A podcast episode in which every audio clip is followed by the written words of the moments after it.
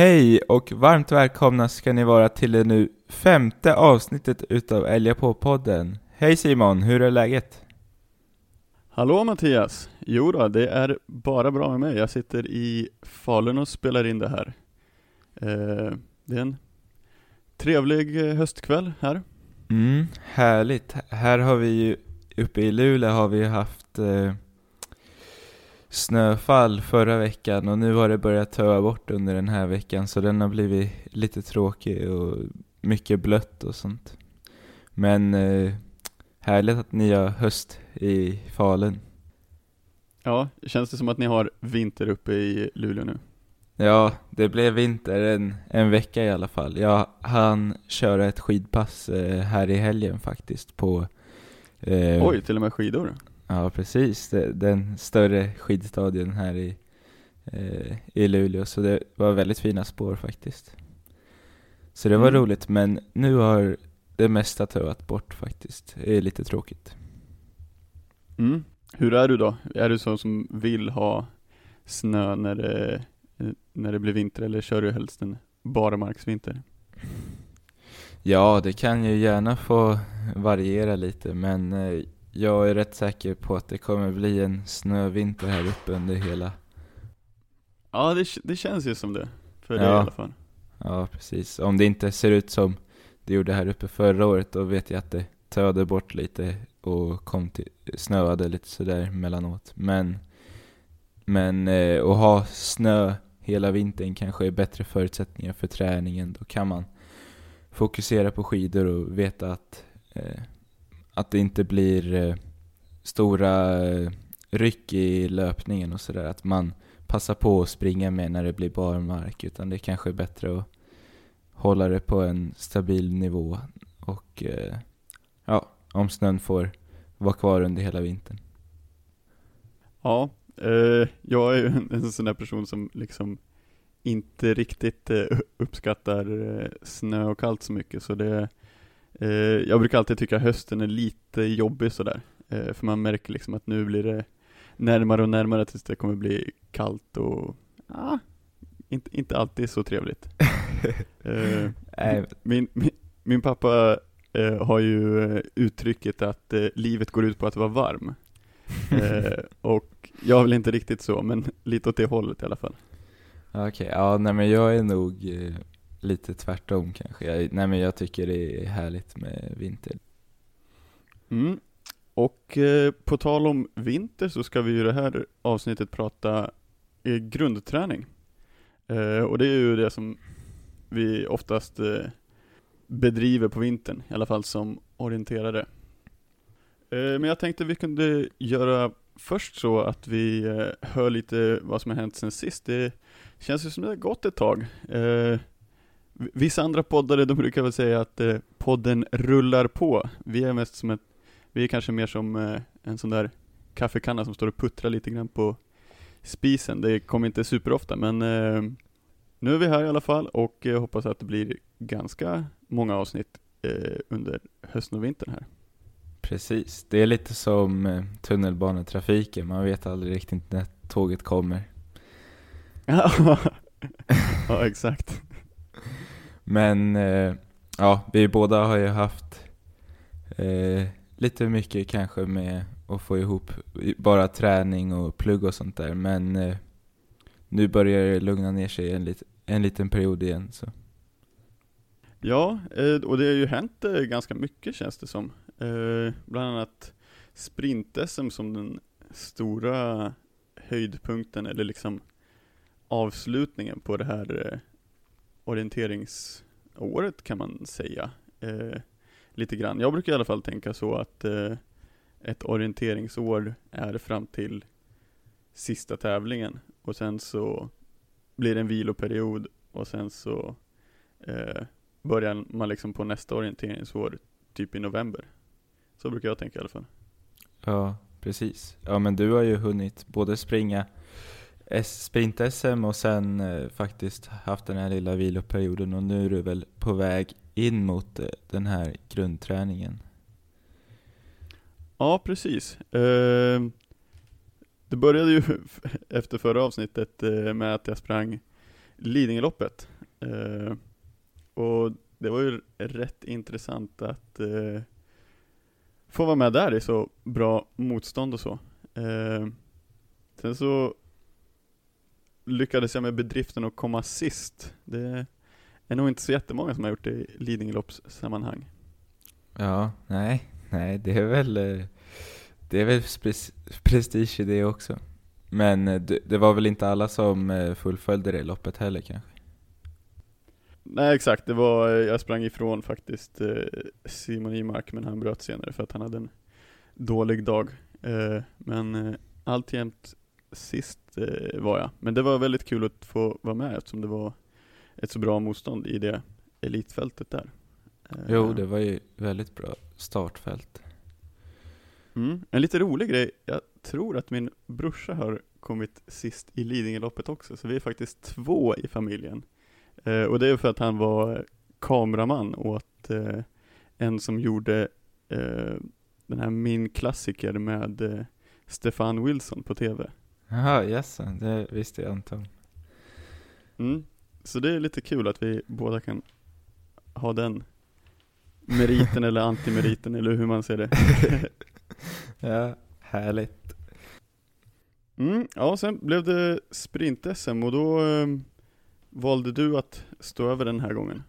Ja, precis. Eh, Jag hade dels mycket i skolan och sen eh, kände jag väl att det var kanske, jag, jag hade väl inte riktigt den där formen att vara med och tävla riktigt. Så att det var lika bra att börja eh, bygga upp mot nästa säsong istället känner jag. Mm. Eh, men eh, hur kändes det liksom i, i kroppen? Du, du pratade om på, eh, på långa SM och sådär att eh, ja, men du, du kunde springa med den fullt ut, eh, men sen så valde du att ta lången lite grann lugnare eh, för att du trodde inte att du skulle palla av ett helt, eh, ett sånt tufft lopp. Nej, nej men eh, sprinten där kändes väl att, eh, att kanske att det skulle vara att jag hade lite större, eller bättre chanser med tanke på att eh, jag har kunnat köra mer eh, platt och eh, hårt underlag än skog med tanke på att jag ehm, i början av upptrappningen kände att det gjorde ondare att springa i skog och sådär. Eh, så att jag kanske hade haft bättre förutsättningar till, till något slags resultat på sprint-SM men eh, just eh, liksom belastningen som det gör att springa så pass fort på hårt underlag, jag kände att det var inte riktigt värt. Nu när, när vi liksom går in mot en, en träningsperiod och sen, ja, den här säsongen har ju inte sett eh, ut som vanligt och sådär så kan, kanske att man eh, kan träna på istället till eh, nästa säsong och komma i hyfsad form dit istället. Mm. Ja, i, i mångt och mycket var det ju liksom lite grann en mellansäsong sådär. Eh, var ju liksom känslan hela tiden av att det liksom, ska det bli något, ska det inte bli något? Och till slut så fick vi ju några tävlingar, men det vart ju en väldigt kort tävlingssäsong så. Mm. Ja, Mm. men eh, på sprint-SM där så sprang ju du och gjorde det eh, väldigt bra tycker jag i alla fall utifrån vad jag såg på resultat och på tv-sändningen. Ja, alltså jag var super f- förvånad över mig själv. Eh, att jag liksom lyckades få till ett så bra lopp eh, där. För att eh, jag ser mig ju själv inte som en eh, sprint, alltså sprintlöpare eh, så.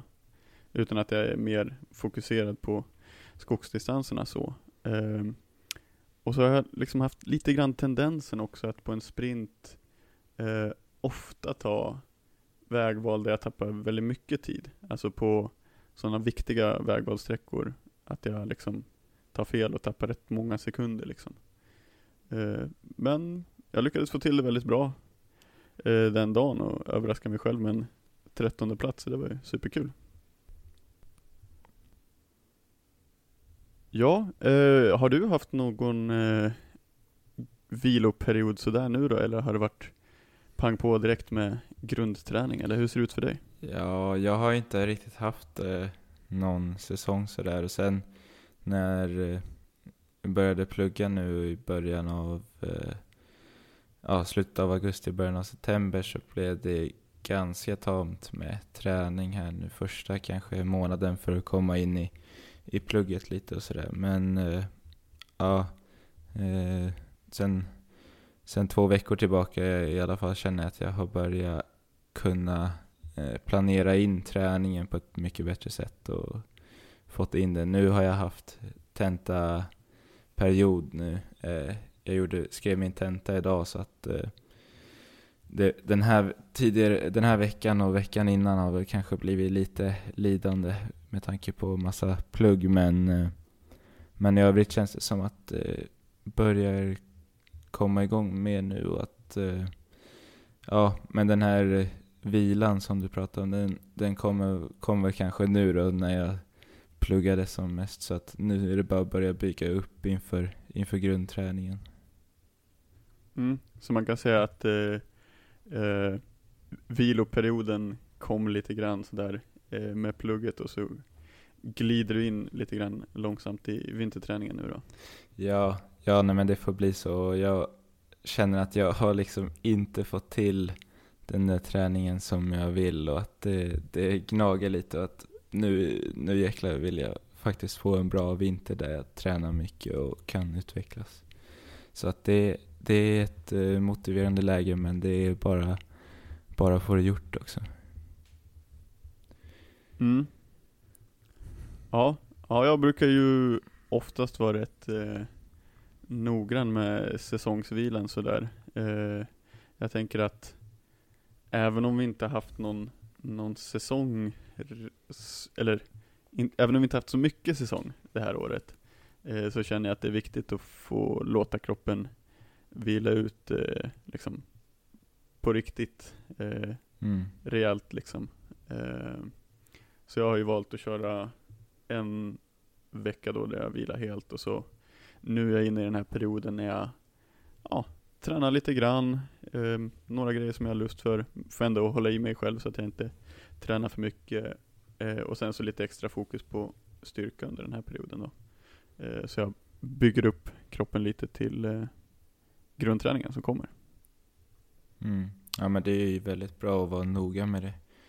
Eh, jag har ju kanske inte tävlat alls lika mycket som eh, du har gjort, eh, så att du har ändå fått lite mer säsong än vad, än vad jag har haft. Så att eh, du kanske behövde den vilan mer än vad, än vad jag behövde. Men nu blev det, nu blev det ett, en spontan vilovecka, fast ja, jag har ändå tränat på lite men men eh, att det inte blev kanske så mycket träning som det hade kunnat varit. Mm. Men om vi ska prata mer aktuellt så har ju Svenska orienteringsförbundet nyligen släppt eh, landslaget både för seniorer och eh, juniorer där både A-landslaget eh, och utvecklingslandslaget och som sagt eh, juniorlandslaget har släppts. Mm, eh, precis. Har du kollat på de aktuella lagen? Jag antar att du har gjort det med tanke på att du kanske satt och hoppades lite på att du skulle eh, vara med där någonstans. Uh, ja, alltså det är såklart jag är väldigt uh, besviken över det. Jag hade ju hoppats vara med där. men ja, jag fick en i alla fall Eh, bra förklaring till eh, varför jag inte var med den här gången. Och eh, alla löpare som är med, de eh, förtjänar ju verkligen det. Eh, så mm. det, jag, jag hamnade väl precis utanför den här gången och det var, det var lite trist för att eh, det känns som att jag varit precis utanför liksom hela förra året eh, på uttagningar till eh, både vissa av världscuperna och sen så eh, landslaget, eh, förra vinterlandslaget då i fjol. Eh, så det är klart, mm.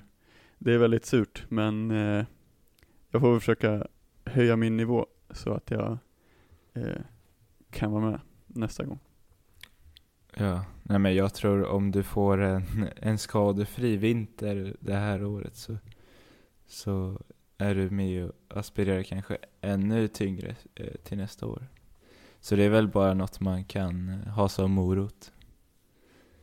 Ja, exakt. Jag får eh, försöka se det på det sättet och eh, jobba på. Alltså, jag är ju väldigt eh, motiverad till vinterträningen nu och det ska bli väldigt kul att försöka, försöka utvecklas och komma närmare de eh, allra bästa löparna.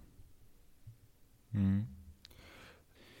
Ja, men eh, om vi ska se till A-landslaget där så var ju damsidan exakt samma som eh, förra året. Och på herrsidan så såg vi en liten, eh, en liten joker kanske i Jerker Lysell. Ja, det är förvånande att han är med igen, men jag tycker det visar att de tror på honom inför nästa år. Och ja, det ska bli spännande att se honom på sprint-EM då, ett, eh, ett rent sprint-EM och sen så eh, VM-sprinten. Eh, landslaget tror på honom där, så eh, det får vi andra också göra och eh, hoppas att han kan visa resultat där. Ja men precis. Eh, jätteintressant faktiskt att eh, följa honom. Eh, en orienterare som har väldigt, varit väldigt eh, skadedrabbad och så senaste åren och gjort ma genomgått massa operationer och dylikt. Så att eh, vi hoppas verkligen på honom och håller tummarna och att, eh, att det går bra. Mm. Det är verkligen roligt att om han kan komma tillbaka och kanske vara snudd på lika bra som han varit tidigare. Mm, det får vi hoppas på. Eh, och som sagt, eh, i övrigt så är det väl eh, de allra bästa namnen som är med i A-truppen, så det är inte så förvånande. Mm. Och vad gäller juniorlandslaget så har jag rätt så länge tyckt att man borde egentligen ha lite fler platser i juniorlandslaget, eller liksom omfördela det där på något bra sätt för att det känns som att det är lite sådär, det är svårt att säga eh, eftersom målet är att man ska bli som bäst på sikt eh, så är det jättesvårt att säga vilka som man ska satsa på. Då, I mina öron låter fem plus fem då, fem killar och fem tjejer väldigt lite. Men det är ju en... Du tänker eh, att man, att man ska ha eh, fler varje år eller att man ska fördela platserna kanske på ett år eller sådär? Ja, att man kanske ska ha fler varje år och sen kanske färre, färre läger för dem om det är så att eh, det är ekonomin som, som begränsar då.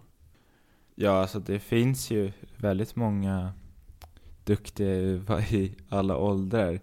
Eh, till exempel, eh, jag tävlar ju mot många av de här 01 killarna eh, och där finns det ju väldigt många som är uppe och, och, och liksom eh, fightas om de där topplaceringarna som skulle kunna vara namn till ett juniorlandslag. Så att det är klart, liksom, man väljer att satsa på, på färre löpare som ska, som ska utvecklas eh, framöver. Så att det är klart att de får en, de får ja, förmodligen en fördel i det om, Mm. Ja, samtidigt så förstår jag att det måste vara en supersvår ekvation när man också har eh, en begränsad ekonomi att ta till liksom. Eh, men jag tycker det är lite intressant ja. att snegla på hur andra länder gör, för jag vet att eh, i, eh, i många andra länder så har de större både landslagstrupper och juniorlandslagstrupper. Men det är väl också för att eh, i, i många länder så har jag inte liksom klubbverksamheten så utbredd som den är i, i Sverige då. Eh, och då kanske det ger mycket mer för de löparna att vara med i ett landslag eh, jämfört med hur det är i Sverige. Att man i Sverige kan ja. bedriva eh, väldigt bra träning på egen hand, liksom klubb, i klubben också. Ja, nej men en eh, spännande tanke. Mm, svår ekvation som sagt. Eh, på tal om juniorer så tänkte vi att eh, vi skulle diskutera en annan sak också.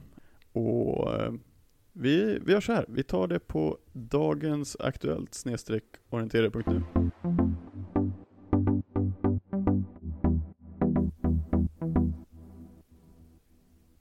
Mm, så dagens aktuellt snedstreck orientera.nu blir idag en eh, högst aktuell sak från den gångna säsongen eh, och det är ju att eh, ehm, det helt enkelt inte blev något JVM i år och eh, de tänker inte ersätta det med någonting utan eh, helt enkelt så stryker de junior-VM det här året.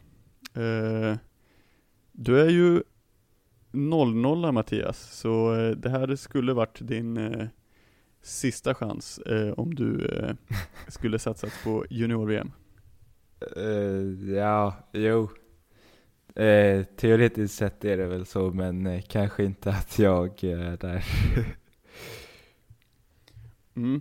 Men eh, jag kan bara tänka själv alltså, om, eh, om mitt sista juniorår hade blivit inställt eh, så mycket tävlingar och sen då framförallt junior-VM, då hade jag tyckt att det var otroligt tråkigt.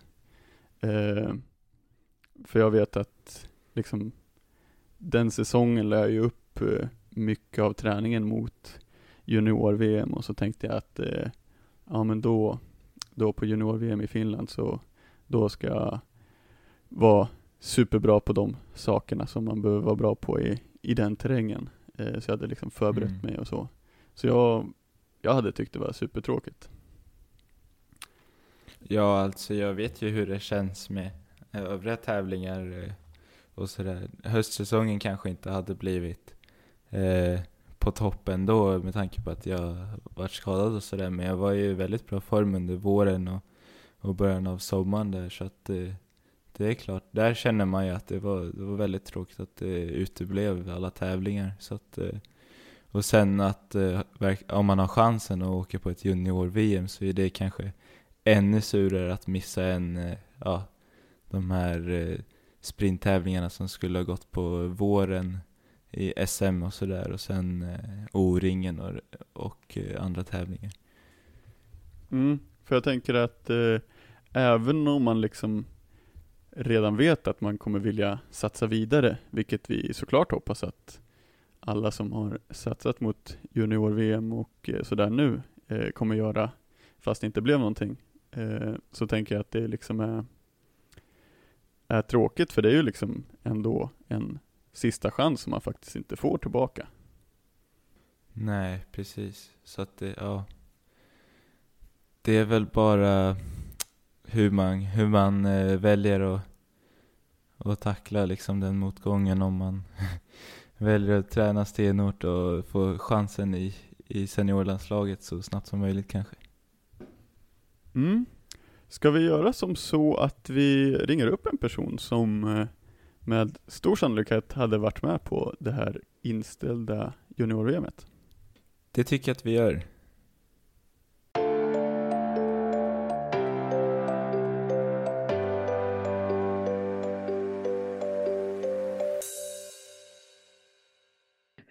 Yes, då har vi med oss Emil Auselius som eh, ju är en av de löparna som eh, med allra största sannolikhet hade sprungit det här eh, JVM som tyvärr blev inställt nu i somras.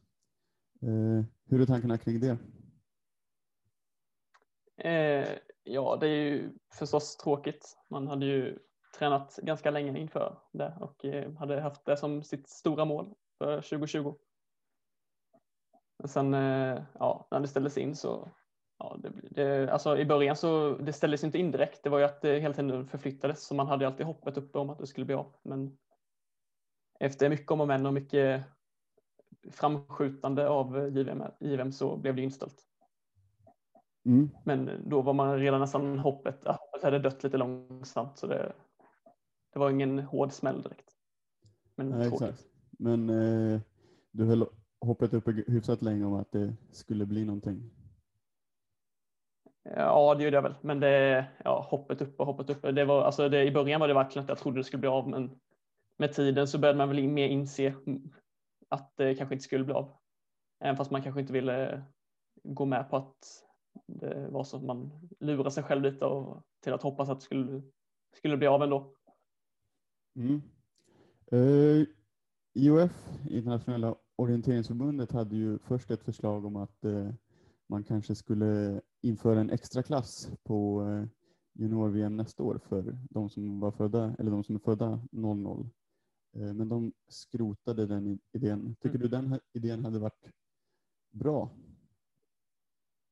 Ja, för egen del så hade ju, jag hade ju, jag hade ju varit, det hade varit jättekul att få springa ett JVM, så jag personligen skulle säga att det är en bra idé. Men sen, eh, sen har jag inte riktigt reflekterat över hur mycket, hur bra det är egentligen att eh, seniorer ska få springa eh, en JVM och sen var det ju frågan om hur man skulle göra det, om vi skulle få tävla på samma villkor som juniorerna eller om vi skulle få en egen klass. Eh, och eh, ja, det, skulle, det fanns många frågetecken där och det fanns väl brist i nästan alla eh, förslag.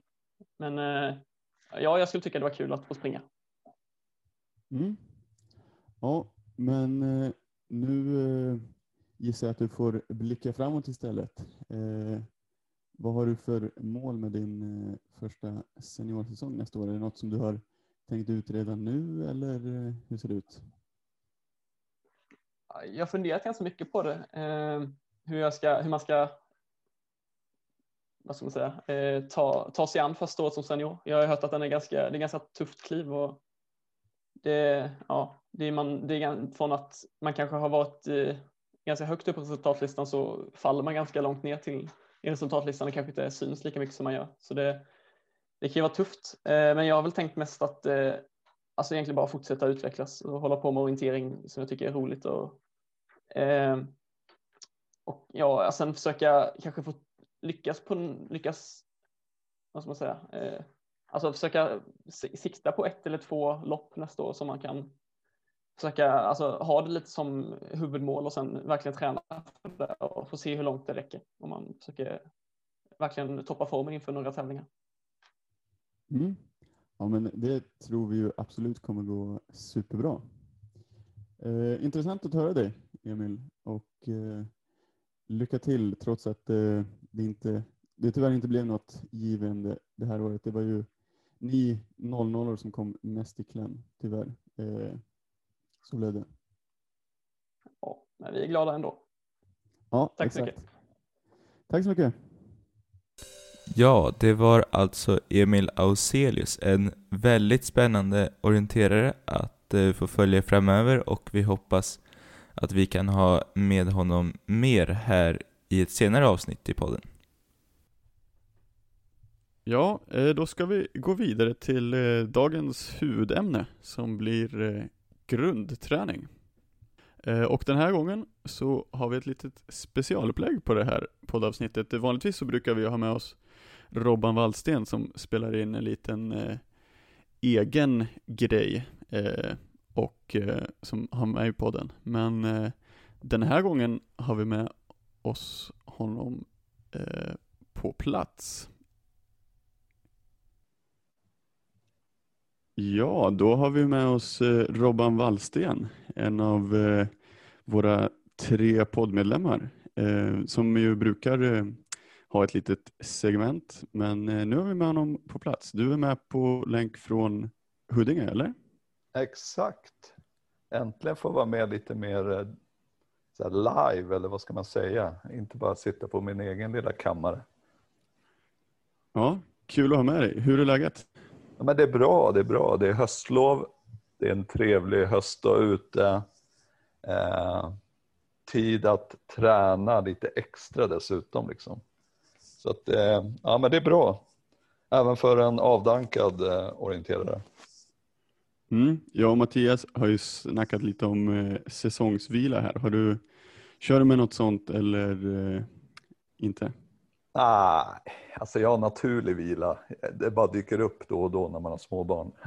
Så ja. att, eh, här finns ingen säsongsvila. Här är det fullt ös hela tiden eller ingenting. Så att eh, nej, något sånt har jag inte. Mm. Men om vi ska ta och, eh, du har ju introducerat dig lite grann, men jag tänkte vi kanske kan försöka lära känna dig ännu lite mer. Eh, Du jobbar alltså som eh, tränare på orienteringsgymnasiet i Haninge. Ja men exakt, det är 12 år sedan jag faktiskt hoppade på eh, det jobbet då. Och har varit där i några år nu. Eh, så att det är väl min grund, ja, sysselsättning. Sen, eh, ja, sen orienterat har jag gjort sedan jag var nio år så att det, det är ju rätt länge sedan. Jag har ju fyllt 45 nu så att jag är liksom dubbelt så gammal som ni två killar. Så att slår man ihop er ålder va, så, så når ni inte ens upp i 45. Nej. Precis. Du är den Så som att- bidrar med mest erfarenhet här. Ja, det beror ju på hur man ser det men jag har i alla fall gjort fler timmar i skogen än vad ni har gjort tror jag. Ja, men det kan man väl kopplas till erfarenhet. Ja, Jag hoppas, jag tror ju så här att eh, eh, de timmarna har, har gjort en lite klokare kring sin egen orientering och, och fått en annan förståelse för vad, vad man behöver själv liksom, för att lyckas på något sätt. Eh, men vad gör jag i övrigt? Liksom? Alltså, jag, jag älskar orientering. Jag tycker det är en fantastisk sport. Och eh, jag har väl eh, varit mest i Leksands OK under en period. Men sen, sen jag flyttade till Stockholm så har det blivit Tullinge och sen har det blivit Snättringe. Då. Och det är där jag är aktiv just nu. Eh, så gott jag kan. Liksom. Att jobba med orientering det gör ju att alltså man, man eh, sysselsätter sig med, med idrotten konstant. Vilket gör att man kanske inte gör så mycket på fritiden på samma sätt. Men, eh, jag försöker vara delaktig i snättning också och vara med på en del träningar. Men det är mycket annat som tar ens fritidstid också. Mm. Eh, småbarnslivet kan jag tänka mig tar eh, mycket tid där. Eh, men du är gammal elitlöpare också. Du har sprungit eh, väldigt långt fram på 10 mila och eh, ja, i andra sammanhang. Jo, men det har jag, har ju funnits med ett antal år liksom i toppen där på 10 mil och Jukkola och det har ju varit sjukt roligt att springa stafett tycker jag. Eh, sen har jag väl lyckats hyfsat liksom som, som individuell löpare också. Tyvärr aldrig fått vara med på något seniormästerskap, även om jag var med på både junior-VM när jag var 19 och 20, men liksom att pricken över i är till att, att man faktiskt vill försöka sträva mot en medalj även som senior, men nej, tyvärr har jag inte riktigt lyckats. Eh, men att vara två och trea på 10 mil är helt okej tycker jag. Liksom. Även om pricken över i saknas där också. Ja, det, är- det är inspirerande faktiskt. Eh, och, och ha någon som dig som kan ha de här erfarenheterna och eh, dela med sig. Ja, jag hoppas jag kan bidra med någonting. Jag, jag tror det i alla fall. Mm.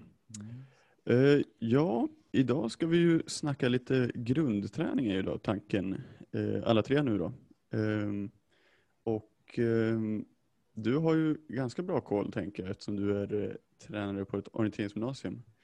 Ehm, jag tänkte vi skulle börja med frågan så här, vad är grundträning? För att det är ju en rätt viktig fråga om vi ska kunna svara på vad man ska göra i den. Ehm, så vad, har, vad har ni för idéer kring det?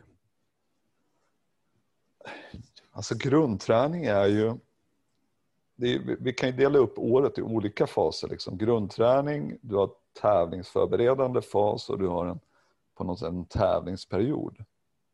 Men grundträningen i mina ögon, jag vet inte vad ni säger Mattias och Simon, är ju en ganska så här skön period för man har, man har ganska mycket tid på sig att, att ta tag i de här bitarna som kanske inte riktigt har funkat eller att man har dragit på sig några skavanker och så vidare och att fixa till liksom och ha, ha möjlighet att ja, utveckla vissa saker vilket man kanske inte riktigt har under en tävlingsperiod till exempel utan då, då får man acceptera ett läge, det läge man har. Och nu grundträning är ju ganska, ja vad säger vi, november till mars nästan ännu längre om man är elitlöpare kanske och det är en ganska lång period att eh, att mala på och utveckla de här delarna som man kanske känner att ja, det är dags att ta tag i. Jo, men precis. Det är ju som du säger att det alltså om man tänker begreppet grundträning så är det ju den träning du ska göra under vintern som förutsättning för hur det går senare på säsongen. Eh, Så det är Ja. ju eh, det är precis att man får ta tag på de, i de delarna som man ser förbättringsområden och sen även att man försöker utveckla sin fysiska förmåga under den här träningsperioden. Ja, och sen, sen alltså, grund, man kan väl i och för sig säga också att grundträningen har vi juni, juli, eh, även om den är kortare, men det är en möjlighet också att utveckla. Men, men pratar man grundträning så tror jag de flesta förknippar det med, med, med vinterhalvåret liksom, som orienterare. Eh. Sen kan man väl dela upp grundträningsperioderna också i olika delar, men, men eh, mycket av träningen i mina ögon är i alla fall någonting som, som regelbundenhet finns med liksom i varje vecka. Även om man kanske nu initialt i november till exempel, Eh, ja, om man har problem med att löpa knä eller benhinnor eller någonting, verkligen har tid att okej nu fixar vi det på något sätt.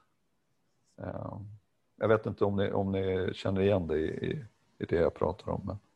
Jo, jo men eh, lite. Jag har ju eh, som sagt haft problem med, med just min, eh, min yttersida av vänster underben och jag känner väl nu att när jag går in i den här perioden efter, efter SM där så var det ju liksom att gå in i någon slags träningsperiod och bygga upp träningen för att kunna ligga på en stabil mängd under vintern eh, och samtidigt kunna eh, bli av med den här smärtan i underbenet och kanske bygga upp med mer löpning och orientering och sådär. Ja. Så att det är ju verkligen chans att eh, faktiskt få in mycket träning och komma tillbaka från eh, skador och så vidare. Jag vet, alltså, han kan säkert rätta mig om jag har fel, men, men Jonas Leandersson är ju en ja, elitorienterad som jag hade med i podden här för några avsnitt. Han är ju sån som brukar verkligen säga, ja men de första veckorna här nu när säsongen är slut, just attackera de här små bekymren eh, som han har på något sätt identifierat och utvärderat och kommit fram till att det här behöver jag stärka upp så att jag tål också att, att träna under hela den här perioden. För det är ju en lång period och, och, och tåla den belastningen som man faktiskt lägger på kroppen. Jo, Ja, precis. det är som sagt lite det som, som jag har gjort eh, nu då eh, med den här eh, extra styrkeperioden som jag haft här i min säsongsvila. Så det tror jag är, eh, är bra. Och sen eh, tror jag som du säger Robban att eh, det, det är väldigt viktigt att tänka att man har liksom tid på sig. Eh, Ja. För att det är lätt att tänka att eh, ja, men nu, nu måste jag komma igång liksom med, med grundträningen. Men det är som sagt, det är ju Tänker man november till mars då är det ju fem månader liksom. Ja, och man måste också på något sätt lyckas hålla motivationen uppe under de här fem månaderna så att man inte får en dipp mitt i januari med tre veckor utan träning. Utan det handlar ju på något sätt att hitta ett vettigt upplägg så att eh, även glädjen finns där under hela den här perioden. Ja. Och jag kan tänka utifrån det du sa Simon, att eh, man kan bygga upp in, innan man går in i den här perioden, att man liksom lägger en, en grund för grundträningen så att säga.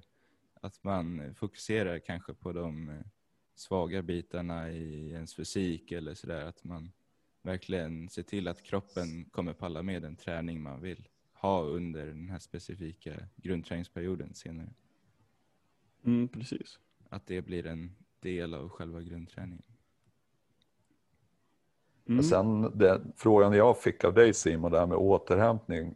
Jag är ju 45 så att det, det är en viss skillnad. Men, men självklart, i mina ögon så ska man ha en återhämtningsperiod innan också. Där, där till viss del, just som, som en styrkedel till exempel, eller en rörlighetsdel eller något sånt kan vara, vara huvudfokus. Alltså, inte ren vila utan att man på något sätt fixar till lite saker. Eh, men man kanske inte springer eh, tio 10 mil i veckan under de återhämtningsveckorna. Liksom.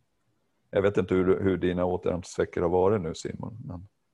Ja, ja, vi var ju inne på det lite nyss. eh, Men eh, det har ju varit eh, eh, att jag helt enkelt har tagit en vecka med helvila och sen så två veckor med väldigt lugn, lugn träning och så då framförallt extra fokus på styrka.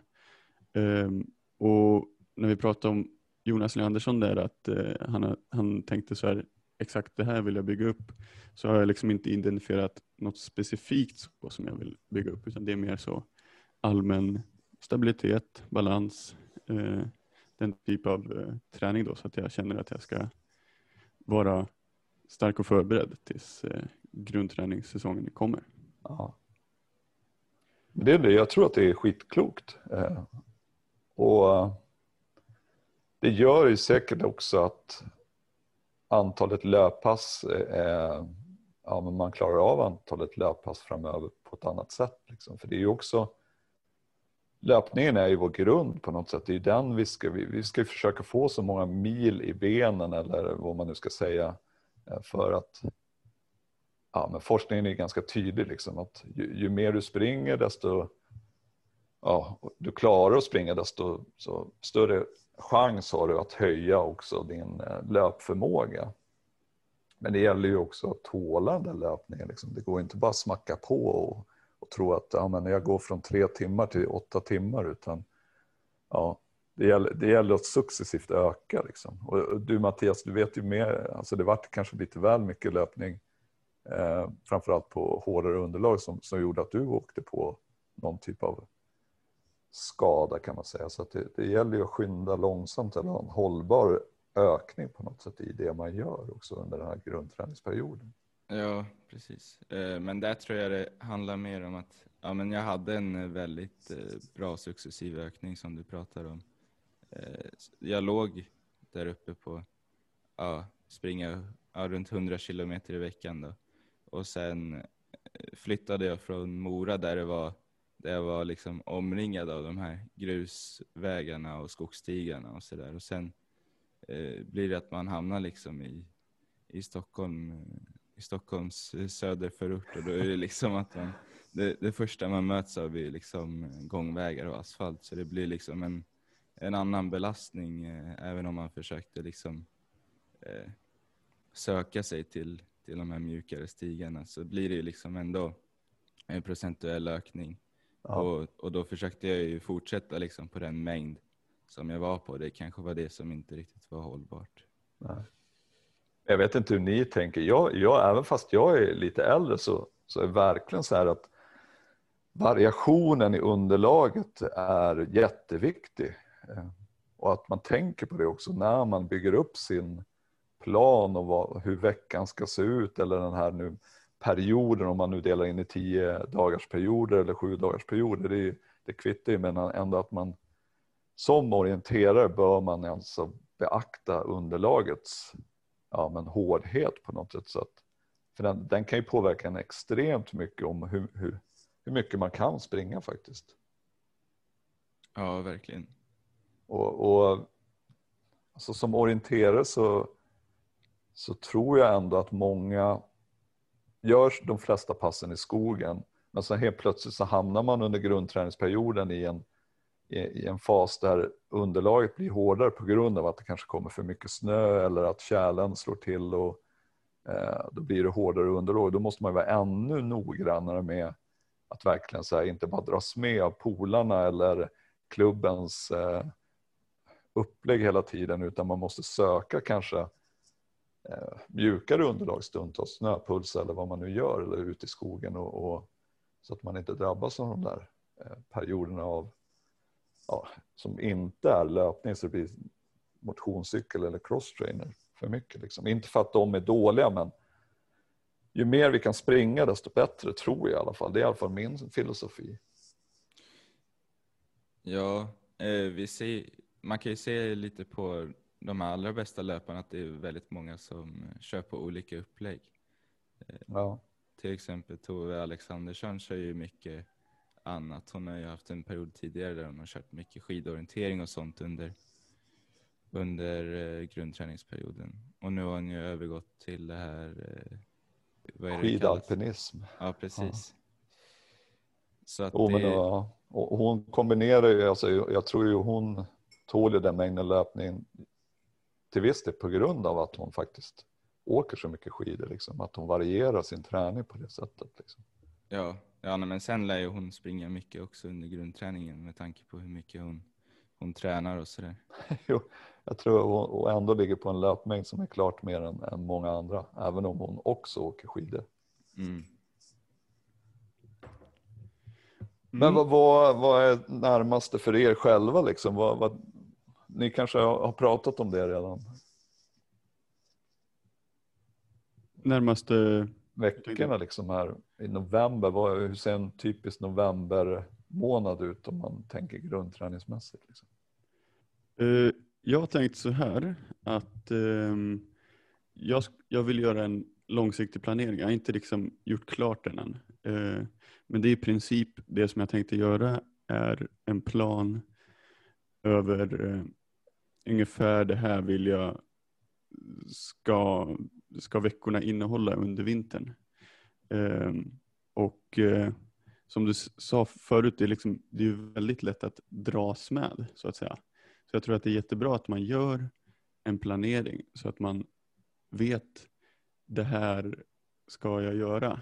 Eh, sen så behöver det inte vara liksom exakt så här många minuter ska jag springa på varje pass. Men så att man liksom eh, gör en planering så att man inte liksom hamnar där att oj, nu, nu sprang jag fem snabba pass på en vecka här. Eh, och det, det klarar inte min kropp av liksom. Eh, så att man liksom tänker efter lite före. Eh, det, det är så jag kommer jobba i alla fall. Eh, och dels göra en planering för, för vad jag vill att en vecka ska innehålla. Och sen brukar jag göra på ja, men typ söndag kväll så gör jag en plan för veckan att eh, ja, men så här, de här träningarna ska jag köra i veckan för då vet man ju också lite mer om eh, vad det finns för träningar tillgängliga så att säga. Ja. Mm. Men precis, en, eh, man kan utgå från någon slags veckobas. Att så här mycket styrka ska jag köra och så här mycket alternativt och så här mycket löpning, orientering. Eh, det är ju något jag brukar köra på också. Att eh, nu under den här grundträningen så har jag väl siktat på att komma upp till någon löpmängd där jag springer fyra och en halv, fem timmar varje vecka och sen eh, lägger in resten alternativ eh, var pass och sen eh, styrka då. Så jag tror att det är, det är väldigt bra att ha en, någon slags bas som man utgår från och sen att man senare när man vet liksom hur, hur schemat ser ut eh, på jobbet eller skolan så kan man lägga upp träningen utifrån det. Det tror jag är jätteklokt. Sen, sen tror jag man måste... Jag gillar att snegla lite på friidrottarna och, och löparna lite. Eh, de är ju extremt noggranna också med vilka dagar är eh, kvalitetspass. Att man har på något sätt pointat de dagarna för att det är ju också så att till viss del så bör man ju vara hyfsat fräsch om man ska få ut så mycket som möjligt när man gör kvaliteten. Liksom. Så att eh, är det intervaller på tisdagen då kanske inte det är ett, eh, ett backpass som, som sliter som tusan utan då, då är, finns det ju risk att, att kvaliteten på tisdagen inte blir den kvalitet utan det blir mellanmjölksträning båda de dagarna. Eh, och då kanske man inte får ut samma resultat i slutändan. Liksom. Så det är, jag tror ju på det ni, ni pratar om, att ha en plan. Jag gör ju lite samma sak. Liksom. Eh, även om jag historiskt. Jag, jag läste ju där, där du går just nu Simon på Högskolan Dalarna och det var en fantastisk miljö. Eh, och det finns säkert uppe där du är också Mattias. Men man, det finns också så många som tränar så att det jag sa innan det här med, med att dras med. Fan, helt plötsligt kunde man se någon dra på sig skorna på förmiddagen och bara, ah, men jag hakar nog på. Och sen på eftermiddagen skulle man köra intervaller. Ja, ja det vart väl sådär kanske. Och sen eh, morgonen efter hörde man någon, ah, jag ska till Gyllbergen och åka längdskidor. Ja, men jag hakar på, jag har tid över, jag kan plugga lite senare. Och så trillade det på. Det gick väl bra i några veckor men sen liksom helt plötsligt så hade man ont i benhinnorna eller något annat eh, så strulade liksom. Så att ha en plan som ni säger, det tror jag är jätteviktigt. Och sen också kanske identifiera vilka dagar det är de kvalitetsdagarna också på något sätt så att man får ut det mesta av det man lägger ner. För det är ju trist att lägga x antal minuter på träning och sen blir det inte så bra i slutändan utan man, man på något sätt ja, det vart ont eller det vart eh, motionscykel i februari-mars. Jag vet att det finns ju eh, en hel del eh, löpare och även orienterare som har liksom, ja men till exempel tisdag, torsdag, lördag. Då är mina högintensiva pass. Mm. Eh, jag tror väl kanske inte att man behöver göra så, men jag tror att det, det är väldigt, som du säger, det är väldigt viktigt att man tänker efter så att eh, det inte råkar bli liksom tisdag, onsdag, torsdag. Eh, för då, då kommer de inte ge så mycket passen och de kommer slita mycket och ja, risk att bidra till skador. Ja, även om vi inte ska prata så specifika pass så, så om man nu tänker lite det här med, med tröskeln och vad tröskelpass och dubbeltröskel har på något sätt bidragit med till de här löp, eh, ja, Ingebrigtsen och vilka du än nämner, liksom Kalle Berglund, så är det ju lite av det de har fått ut så stor mängd i högre fart men inte kanske den här all out-farten. Vilket gör att kör du tisdag, onsdag, torsdag till exempel som du nämner Simon så tror jag alltså det är stor risk att man blir toksliten och så får man sota för det en hel vecka så varken långpasset eller något annat, typ till och med ett styrkepass kan ju bli liksom lidande för att man har man, man, man tycker att det blir bra av tisdag, onsdag, torsdag med fart när, när man väl är i det men, men tyvärr så blir det träningen en hel vecka kanske blir lidande av det. Liksom. Ja, och då får man kanske inte ut samma, samma resultat i slutändan. Mm. Ja, sen en annan sak som jag var lite grann inne på ehm, det är att jag tror att det är bra att eh, fundera ut innan man eh, planerar den här, ja, den här planeringen. Vad, vill jag, vad ska jag göra i veckorna? Så tror jag det är bra att fundera ut vad vill jag förbättra?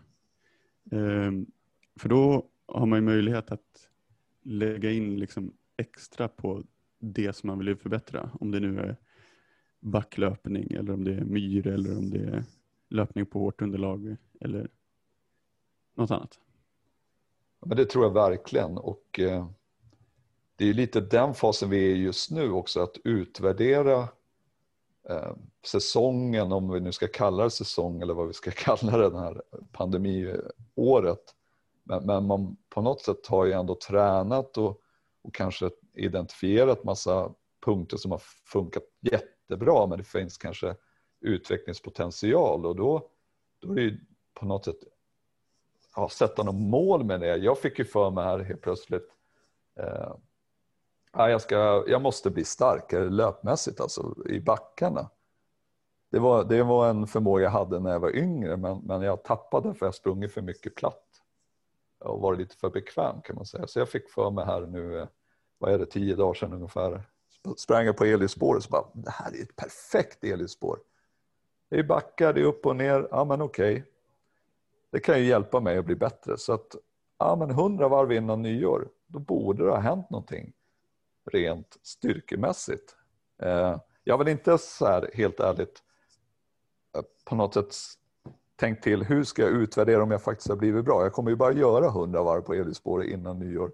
Men förhoppningsvis bidrar det ändå till att jag kommer känna mig starkare rent löpmässigt.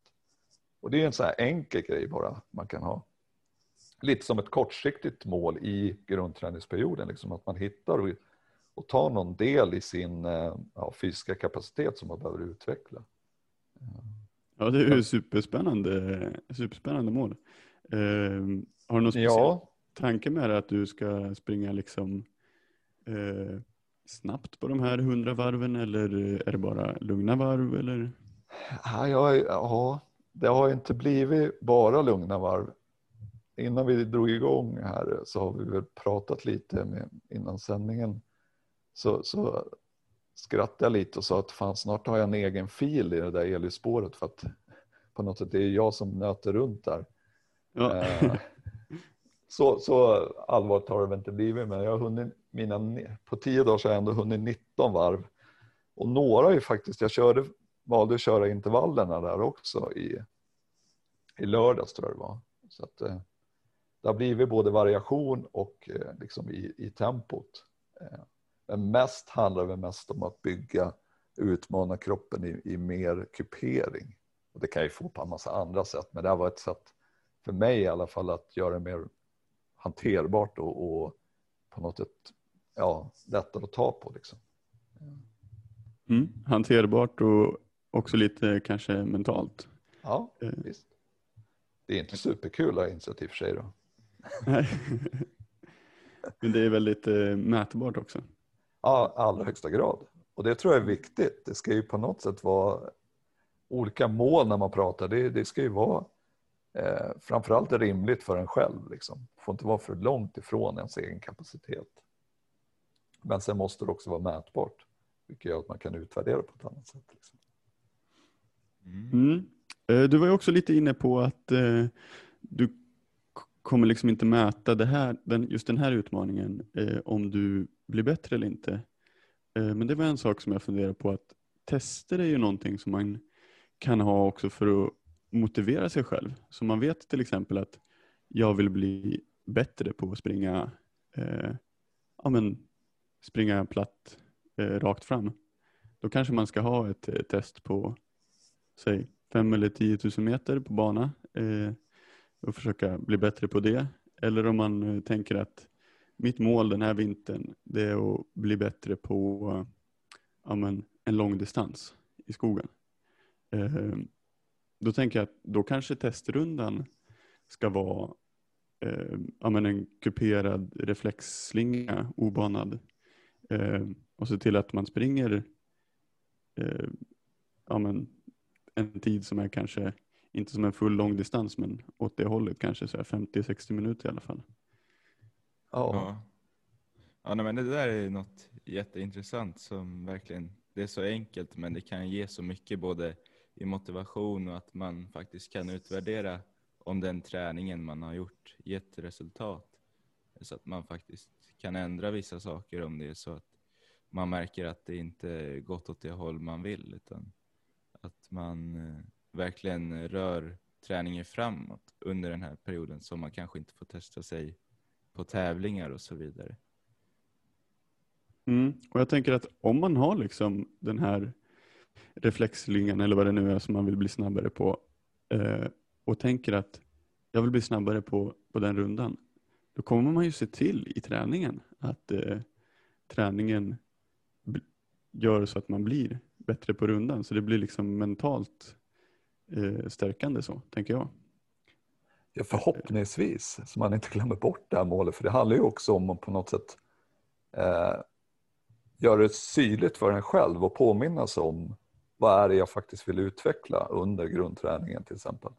Eh, ibland så tror jag att vissa sätter lite så här mål men, men glömmer bort dem med tiden. Eh, och då, då faller det ju i glömska och då, då kanske man inte heller planerar träningen och, och förbättrar just den delen. Men jag, jag håller ju med om att det här med olika testrunder och eh, sätt att mäta sin utveckling är ju viktigt. Det kan ju också ge en självförtroende-boost. Eh, att man helt plötsligt i januari kör sin löptestrunda och märker fan, jag har ju utvecklat tre av eh, sju sträckor där jag är klart bättre nu. Liksom. Nu tar jag tag i de andra bitarna. Liksom. Men vad har ni för, gör ni, har ni någon generell så här, testbatteri eller? Jag har jobbat ganska lite med, med olika tester faktiskt. Ehm, eh, så, så jag är kanske inte är rätt person att säga det, men eh, ehm, jag tänker att lite grann också så får man ju testa sig när man springer orientering. Och om man då springer mot samma, samma motstånd så märker man ju om eh, man kanske är närmare eller eh, det är kanske en typ av sträckor som man har blivit som man har kommit närmare på eller eh, sådär. Så det tror jag är ett, ett bra sätt att mäta också även om det är svårare att mäta i orientering än vad det är i, i ren löpträning. Ja. Men sen så har jag ju tänkt att jag eh, den här vintern eh, kommer vilja fokusera en hel del på löpning på hårt underlag. Eh, så då tänker jag att tester på till exempel 5000 meter kommer vara någonting som kommer pusha mig lite extra till, till, till träningen då. Mm. Det är ganska enkelt att mäta. Så att det, det är ju, men, men som du sa, det är lite komplexare att se om vi som orienterare har utvecklats i skogen till exempel. Men jag tror ju, Mattias, du, du har ju gått på Fredrika där jag undervisar. Vi har ju en löptestrunda där man liksom där det är brant uppför, det är brant nerför, det är myr, det är liksom lite grönaktig terräng. Mm. Där gjorde ju ni x antal varv och där kunde man ju också på något sätt jämföra sig med sig själv och se utvecklingen under, från år ett till år tre. Liksom. Det är ganska enkelt att sätta ihop en sån runda hemma. Ja, verkligen. Ja, men det är ju ett sånt där praktexempel på hur man liksom kan göra för att testa Ja. sig själv. Och det där blir liksom, det blir ju löpning, men det är ju väldigt eh, konverterbart till orientering eftersom att man möter ju de moment man kanske möter på en orienteringsbana rent Ja. fysiskt. Sen, sen klart att vi kan ju aldrig försumma orienteringstekniken. Liksom. Det är ju ytterligare en bit att ta tag i sen. Liksom, att ja, mäta sin egen kapacitet OL-tekniskt. Och det är ju inte superlätt. Nej, det är, det är ju mer en känsla kanske. Eh, att man känner att man hittar det där flytet när man springer och att, eh, att det liksom att det går framåt när man orienterar. Ja. Mm.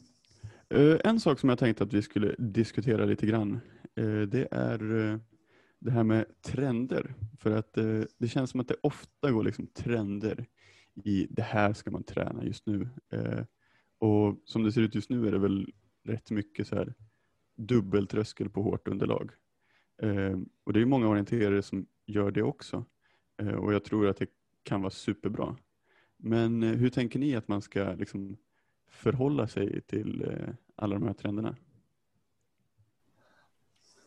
Ja, vad säger du Mattias?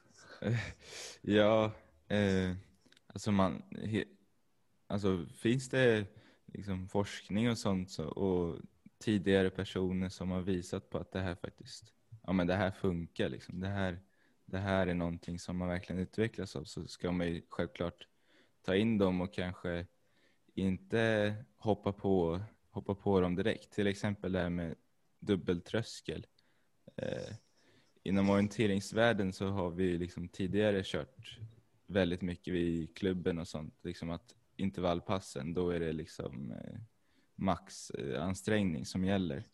Och att eh, när det här eh, begreppet dubbeltröskel blev mer liksom brett och att folk började använda sig av det så kanske man, att man först eh, anpassade sig till att eh, liksom veta hur man tränar i just tröskelträning. Att man lär sig kanske att, att köra de här ja, enskilda eh, trösk, trösk, trösklarna först och sen att man kanske går över och testar dubbeltröskel och ser om det är någonting som, som eh, ger resultat för en själv. För det är ju det är ju inte alla som eh, blir bättre av det heller, utan det kan ju vara att man, man behöver mer återhämtning mellan de här eh, tröskelintervallpassen.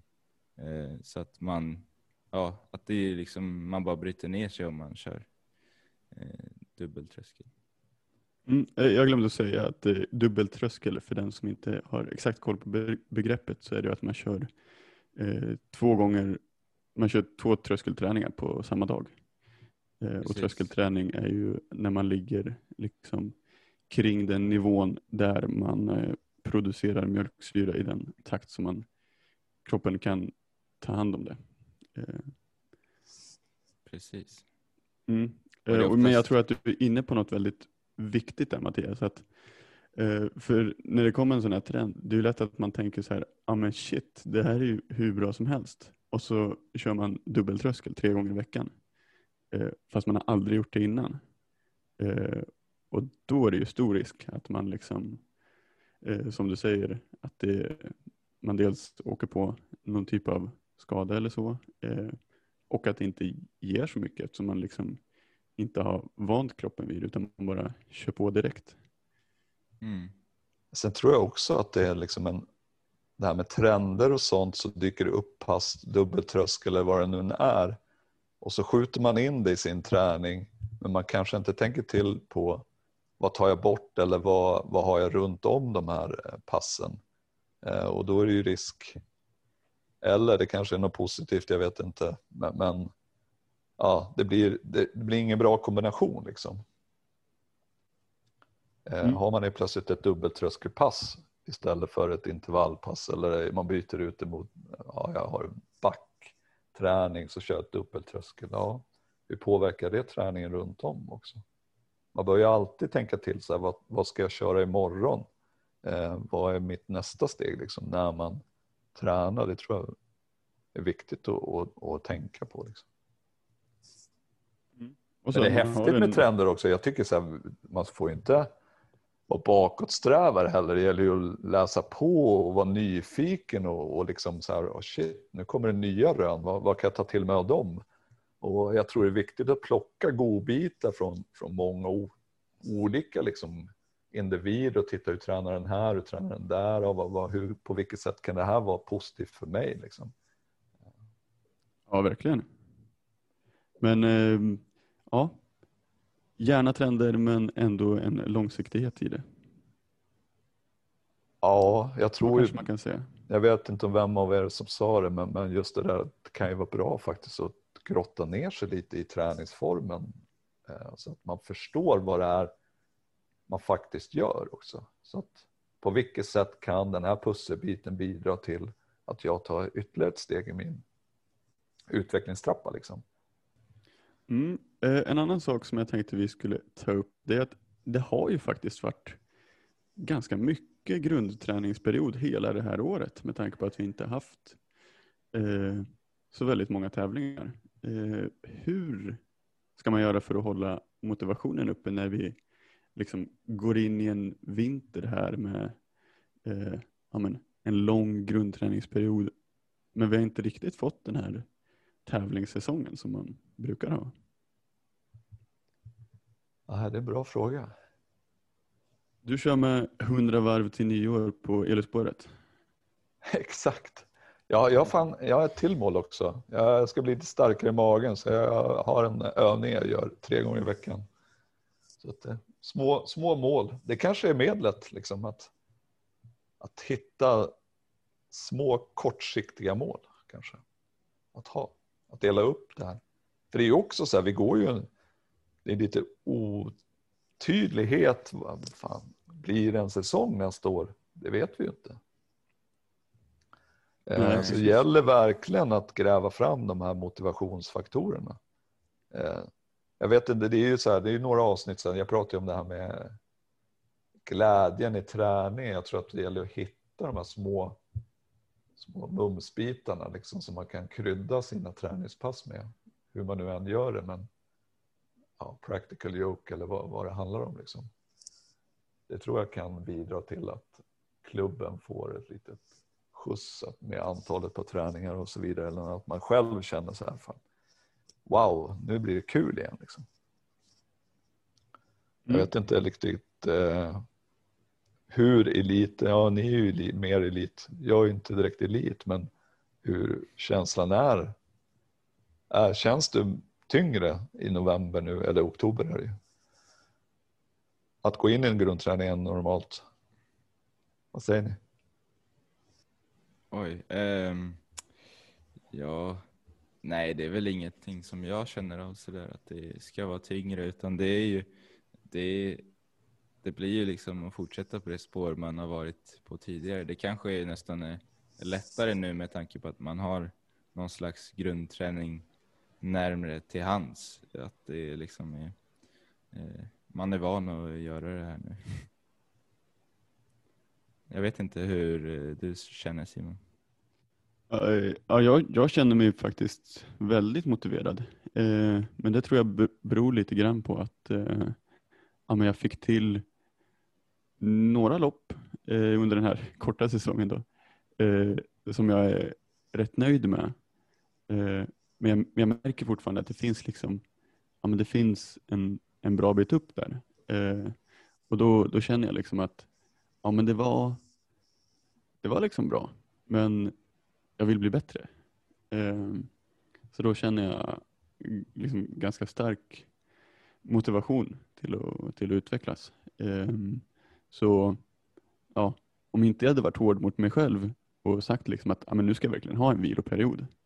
Eh, då hade jag liksom kunnat sätta igång direkt. Men eh, det gäller att vara lite, ja, jag fick säga till- mig själv att vara smart. Eh, och inte bara liksom banka på direkt. Utan nu måste jag faktiskt ta och vila här. Eh, men ja, nej, motivationen är det, den känns väldigt hög faktiskt. Och lite har det väl också näst, jag bara gissar, men, men har, inte, har man inte varit lite mer motiverad när det väl har kommit tävlingar? Alltså orienteringssäsong kan ju vara ex, extrem liksom. Varje helg från, ja, vad kan vi säga, när går måsen? Slutet på mars. Fram till Jukkola och sen tar man ett break så kommer O-ringen. Och så kör man på varje helg från mitten på augusti till, eh, ja, om någon nu springer höstlunken eller vad, helg utan älg eller vad man kan.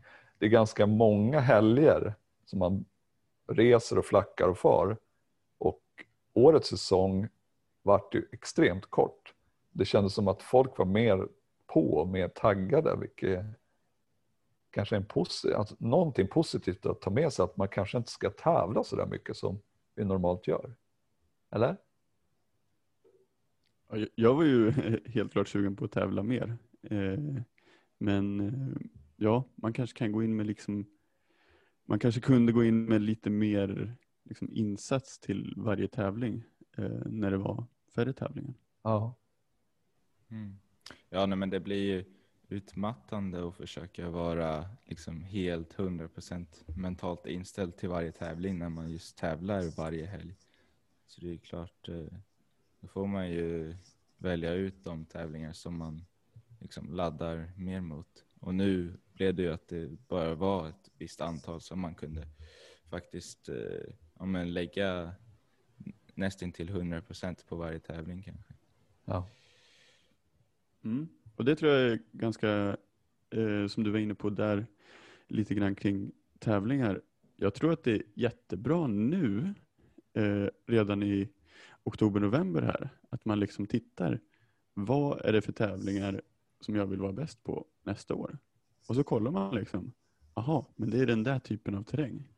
Eh, då är det kanske det jag ska eh, ja, men lägga in kanske något extra pass i, i den eh, typen av terräng, det närmaste man kan hitta liksom, på sin hemmaplan. Mm. Eh, sånt, sånt jobbade jag jättemycket med när jag eh, skulle springa junior-VM. Då vet jag liksom att ja, men, eh, det kommer bli den där typen av terräng. Då måste jag till exempel till Schweiz springa extra mycket backe. Så jag tror sådana grejer kan vara bra också att lägga in i planeringen. Ja, och det där, om jag, om jag tittar tillbaka lite historiskt så om jag med, med mina ögon på de elever och löpare jag följt så handlar det ju på något sätt också lite om en mognad att förstå att okej, jag måste göra en kravanalys på där jag vill prestera. Och har man inte gjort det så är det, alltså det är klart man kan prestera bra ändå men har man identifierat de punkter du pratar om till exempel, okej, okej det här är täv, tävling vi presterar på går i, i flack terräng eller mjukt underlag eller väldigt kuperat eller det är hög fart. Ja, Men då vet jag ju mycket mer hur min, jag ska rikta min träning. Jag får ju på något sätt en, en väldigt tydlighet i åt det hållet vill jag dra min träning. Liksom. Exakt. Kan- och, kan man och det göra kommer ju det? också ge till de andra tävlingarna. Det är inte så att det, Ja, verkligen. Eh, men det ger liksom en extra morot att eh, det här, den här tävlingen vill jag prestera på. Ja. Och där tror jag det sticker, där kan man på något sätt också identifiera de som förmodligen kommer lyckas lite bättre än massan. För vi har ju många orienterare som tränar väldigt bra i Sverige. Eh, men de som på något sätt också så här har identifierat vad man behöver bli bra på eh, inför den viss, ja, mästerskapet eller om man nu har O-ringen som, som mål eller det kan ju finnas de som, som sätter mål även om ah, jag ska prestera på DM. Eh, de kommer lyckas bättre tror jag faktiskt i slutändan. Och kan man göra det redan, redan nu när man ska starta grundträningen, ja men fasken, då, då har man ju redan ett försprång. Mm. Ja, eh, sen eh, har vi faktiskt eh, Robban ett eh, begrepp som du snackade väldigt mycket om i ett av dina segment här som är eh, väldigt viktigt att tänka på eh, när det kommer till grundträningen. Eh, kan du tänka vilket det är? Nej, vad kan det vara? ja, men det är självklart kontinuitet. Få med kontinuitet i sin tänk och sin träning.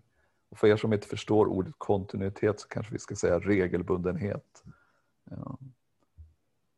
Och eh, där lägger man nog också en av de viktigaste pusselbitarna. För det är, man kan prata kontinuitet på massa olika sätt. Man kan ju prata i, i träningstimmar, man kan prata i eh, vad det är för typ av pass, man kan prata i, handlar om underlag och ändå så handlar det om kontinuitet. Liksom.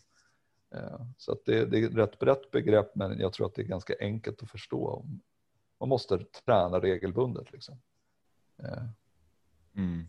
Ja men precis, att man använder alla de här delarna vi har pratat om och sen att man verkligen får en, en ja, regelbundenhet och kontinuitet i det, i det man gör och det är ju faktiskt det som är viktigast om man vill utvecklas, att man inte kör på bra en vecka och sen har två eh, sämre veckor med träning och sen kör på bra en vecka. Det, då blir det liksom haltande och man utvecklas inte på samma sätt som man kan göra om man liksom har en, om man använder sig av sin planering och att man faktiskt har en struktur och vet hur man får in den här kontinuiteten. Ja, och jag tror det där du sa att planera, det är ju kanske i många Många tycker så här, att det låter tråkigt att planera sin träning men å andra sidan så kanske det är det mest eller det viktigaste för att få kontinuiteten. Liksom. För annars kanske det blir lite hej baberiba träning. Och eh, då kanske man missar att få med fartpassen under två veckor eller man kanske missar att få med det här långa eh, långpasset som man behöver. Eller man kanske missar om att få med skogspassen eller sitt eh, styrkepass där man får explosivitet och så vidare. Så att, eh, planering och kontinuitet tycker jag hänger ihop mycket. Liksom, för att det ska mm. bli så bra som möjligt. Ja, precis. Nej, men jag tror att många eh, de tänker, äh, inklusive mig själv ibland också tidigare, så har jag ju tänkt att liksom, äh, men, fan, jag kan väl bara planera liksom, i, i huvudet tre, fyra dagar framåt och så och så löser det sig. Men då får man ju liksom inte den här helhetsbilden som när man sätter sig ner, som Simon sa, på en söndag, sätter sig ner och, och verkligen planerar för veckan. Och då får man ju verkligen eh, en överblick på vad det är som ska göras. Och sen att man följer det no, någorlunda så att man och så gör man det varje vecka. Och då, då blir det liksom att då får du en kontinuitet. Mm. Och det behöver inte vara liksom så att man skriver upp exakt så här ska passet vara, men eh, jag tänker att det är väldigt bra att ha en, en riktlinje där. Eh, så att man eh, ja, och att man ser till att göra det enkelt så att man gör det varje vecka. Liksom. Mm. Ja men precis, att man, man kanske inte behöver följa den här planeringen helt blint utan Liksom, det kan ju komma att man eh, känner av benhinnorna lite efter något hårdare pass och då får man ju faktiskt tänka till lite där och kanske byta ut något pass och sådär. Men eh, att liksom den här planeringen får vara liksom det som hjälper en framåt. Mm. Jag tror att många ändå har, oavsett vad det är för nivå eller ålder man är i, så, som orienteringsklubbar har ju genomgående väldigt bra verksamheter där de flesta typer av pass finns med i, i planeringen för klubbens verksamhet. Så ibland så behöver man inte göra så speciellt mycket liksom för att få den här kontinuiteten i kanske ett intervallpass eller träning, antalet träningar beroende på ålder och så vidare. Men det är väl när man börjar så här, hamna i en nivå där man ska utvecklas lite mer än vad kanske klubben kan erbjuda. Det är då på något sätt också det är viktigare att, eh, att ja, men, tänka till och planera och, och eh, få en annan regelbundenhet i vissa saker. Liksom. Så att, Mm. Det sista jag har på min lista här på vad man kan tänka på under eh, grundträningen, det återhämtning och helhetsbelastning.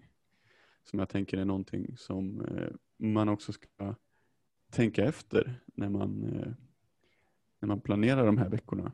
Eh, ja, vad händer runt omkring i livet och ja, se till att man inte bara går på, går på, går på hela tiden. Utan att man också tar sig tid till återhämtning. Men jag såg en så talande bild nyligen där, eh, jag tror det är H.C. Holmberg, en av de här träningsforskarna, ja, jag tror han härjar uppe i Östersund eller något. Så här, att man, ja, men, träning en till fem timmar per dag eh, och vila då 19 till 23 timmar. Att man får liksom inte bara fokusera på träningen utan vad gör den här övriga tiden är så extremt viktigt tror jag för att förstå hur man ska utvecklas. Liksom. Träning är ju katabolt, det är ju nedbrytande. Liksom. Vad du gör i övrigt är ju anabolt, det är det som bygger upp dig.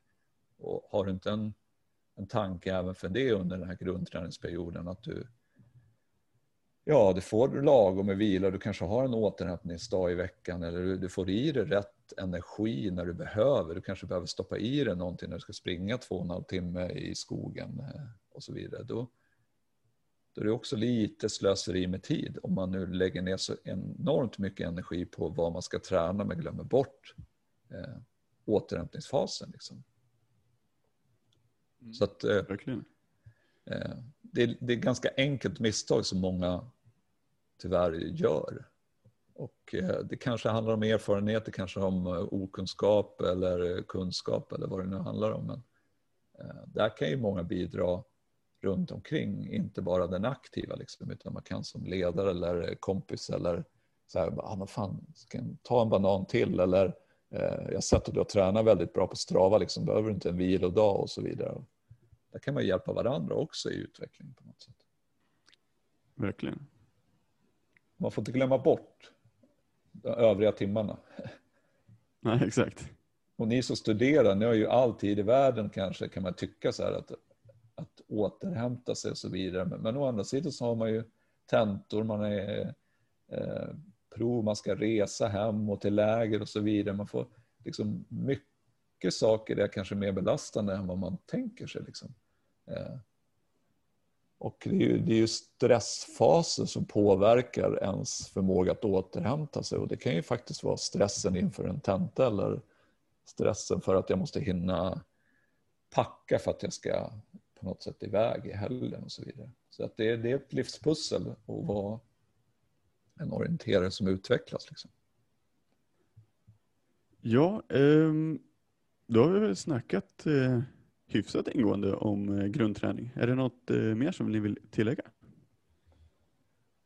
Alltså man kan säkert säga hur mycket som helst om grundträning. Vi har ju knappt pratat om vad, vad en vecka bör innehålla, men det är ju lite individanpassat. Men, eh, jag tror att man ska inte göra för svårt för sig, men man ska samtidigt inte göra för enkelt för sig. Och, eh, nu om något är en period att så här, utvärdera hur har det varit förra året. Och även om det låter tråkigt att utvärdera så tycker jag så här att det kan bidra till att vårsäsongen kommer bli otroligt mycket roligare.